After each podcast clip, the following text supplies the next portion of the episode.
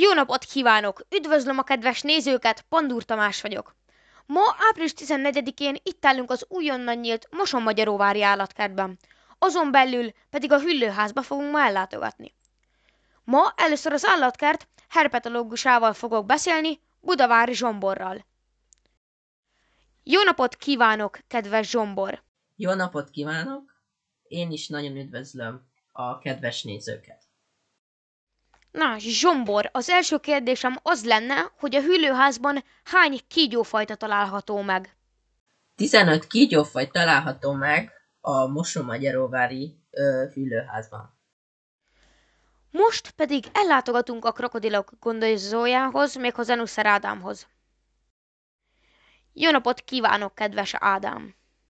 Jó napot kívánok, én is üdvözlöm a kedves nézőket. Na, ö, az lenne az első kérdésem, hogy miket szoktak a krokodilok egy nap enni? Mindenféle állati eredeti táplálékot, sőt dőlket sem vetik meg, de legtöbbször marhahúst kapnak. Na, köszönöm szépen a választ. Most pedig átérünk a gyíkokra, akiknek a gondozója Stammel Fábián. Az első kérdésem önhöz, hogy milyen területeken szeretnek élni a gyíkok. Szép délutánt kívánok, köszöntöm a kedves nézőket. A környezetük melegével tartják fent a testhőmérsékletüket, ezért a meleg helyeket szeretik. Nézzék csak, ö, találtam egy eléggé érdekes kígyófajt, a boát, ezért beszélek a zsomborral, tudna róla pár szót mondani. Szia Zsombi, tudnál erről a kígyófaj szaporodásáról pár szót mondani? Szia Tomi! Természetesen.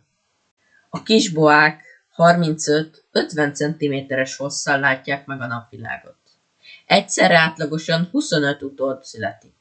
Nem ritkák a halvaszületések, az anya a szülés után és előtt is nagyon erősen védelmezi kicsinyeit. Köszönöm szépen az információt. De ha már itt vagyok, akkor felteszek a krokodilok gondozójának is egy kérdést. Szia Ádi, válaszolsz még egy kérdésemre? Persze, Tomi.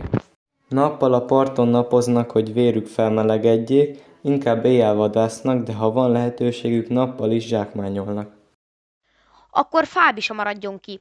Neki is felteszek egy kérdést. Szia Fábi, válaszolnál még egy kérdésemre? Fábián, tudnál a gyíkokról még pár szót mondani? Persze, természetes. A különböző fajok szerint sokféleképpen változó pikkelyeket tábla vagy szemcsés, zsindei és örvös pikkelyekre osztják. A legtöbb gyíkfaj a trópusokon, illetve szubtrópusi éghajlatokon él.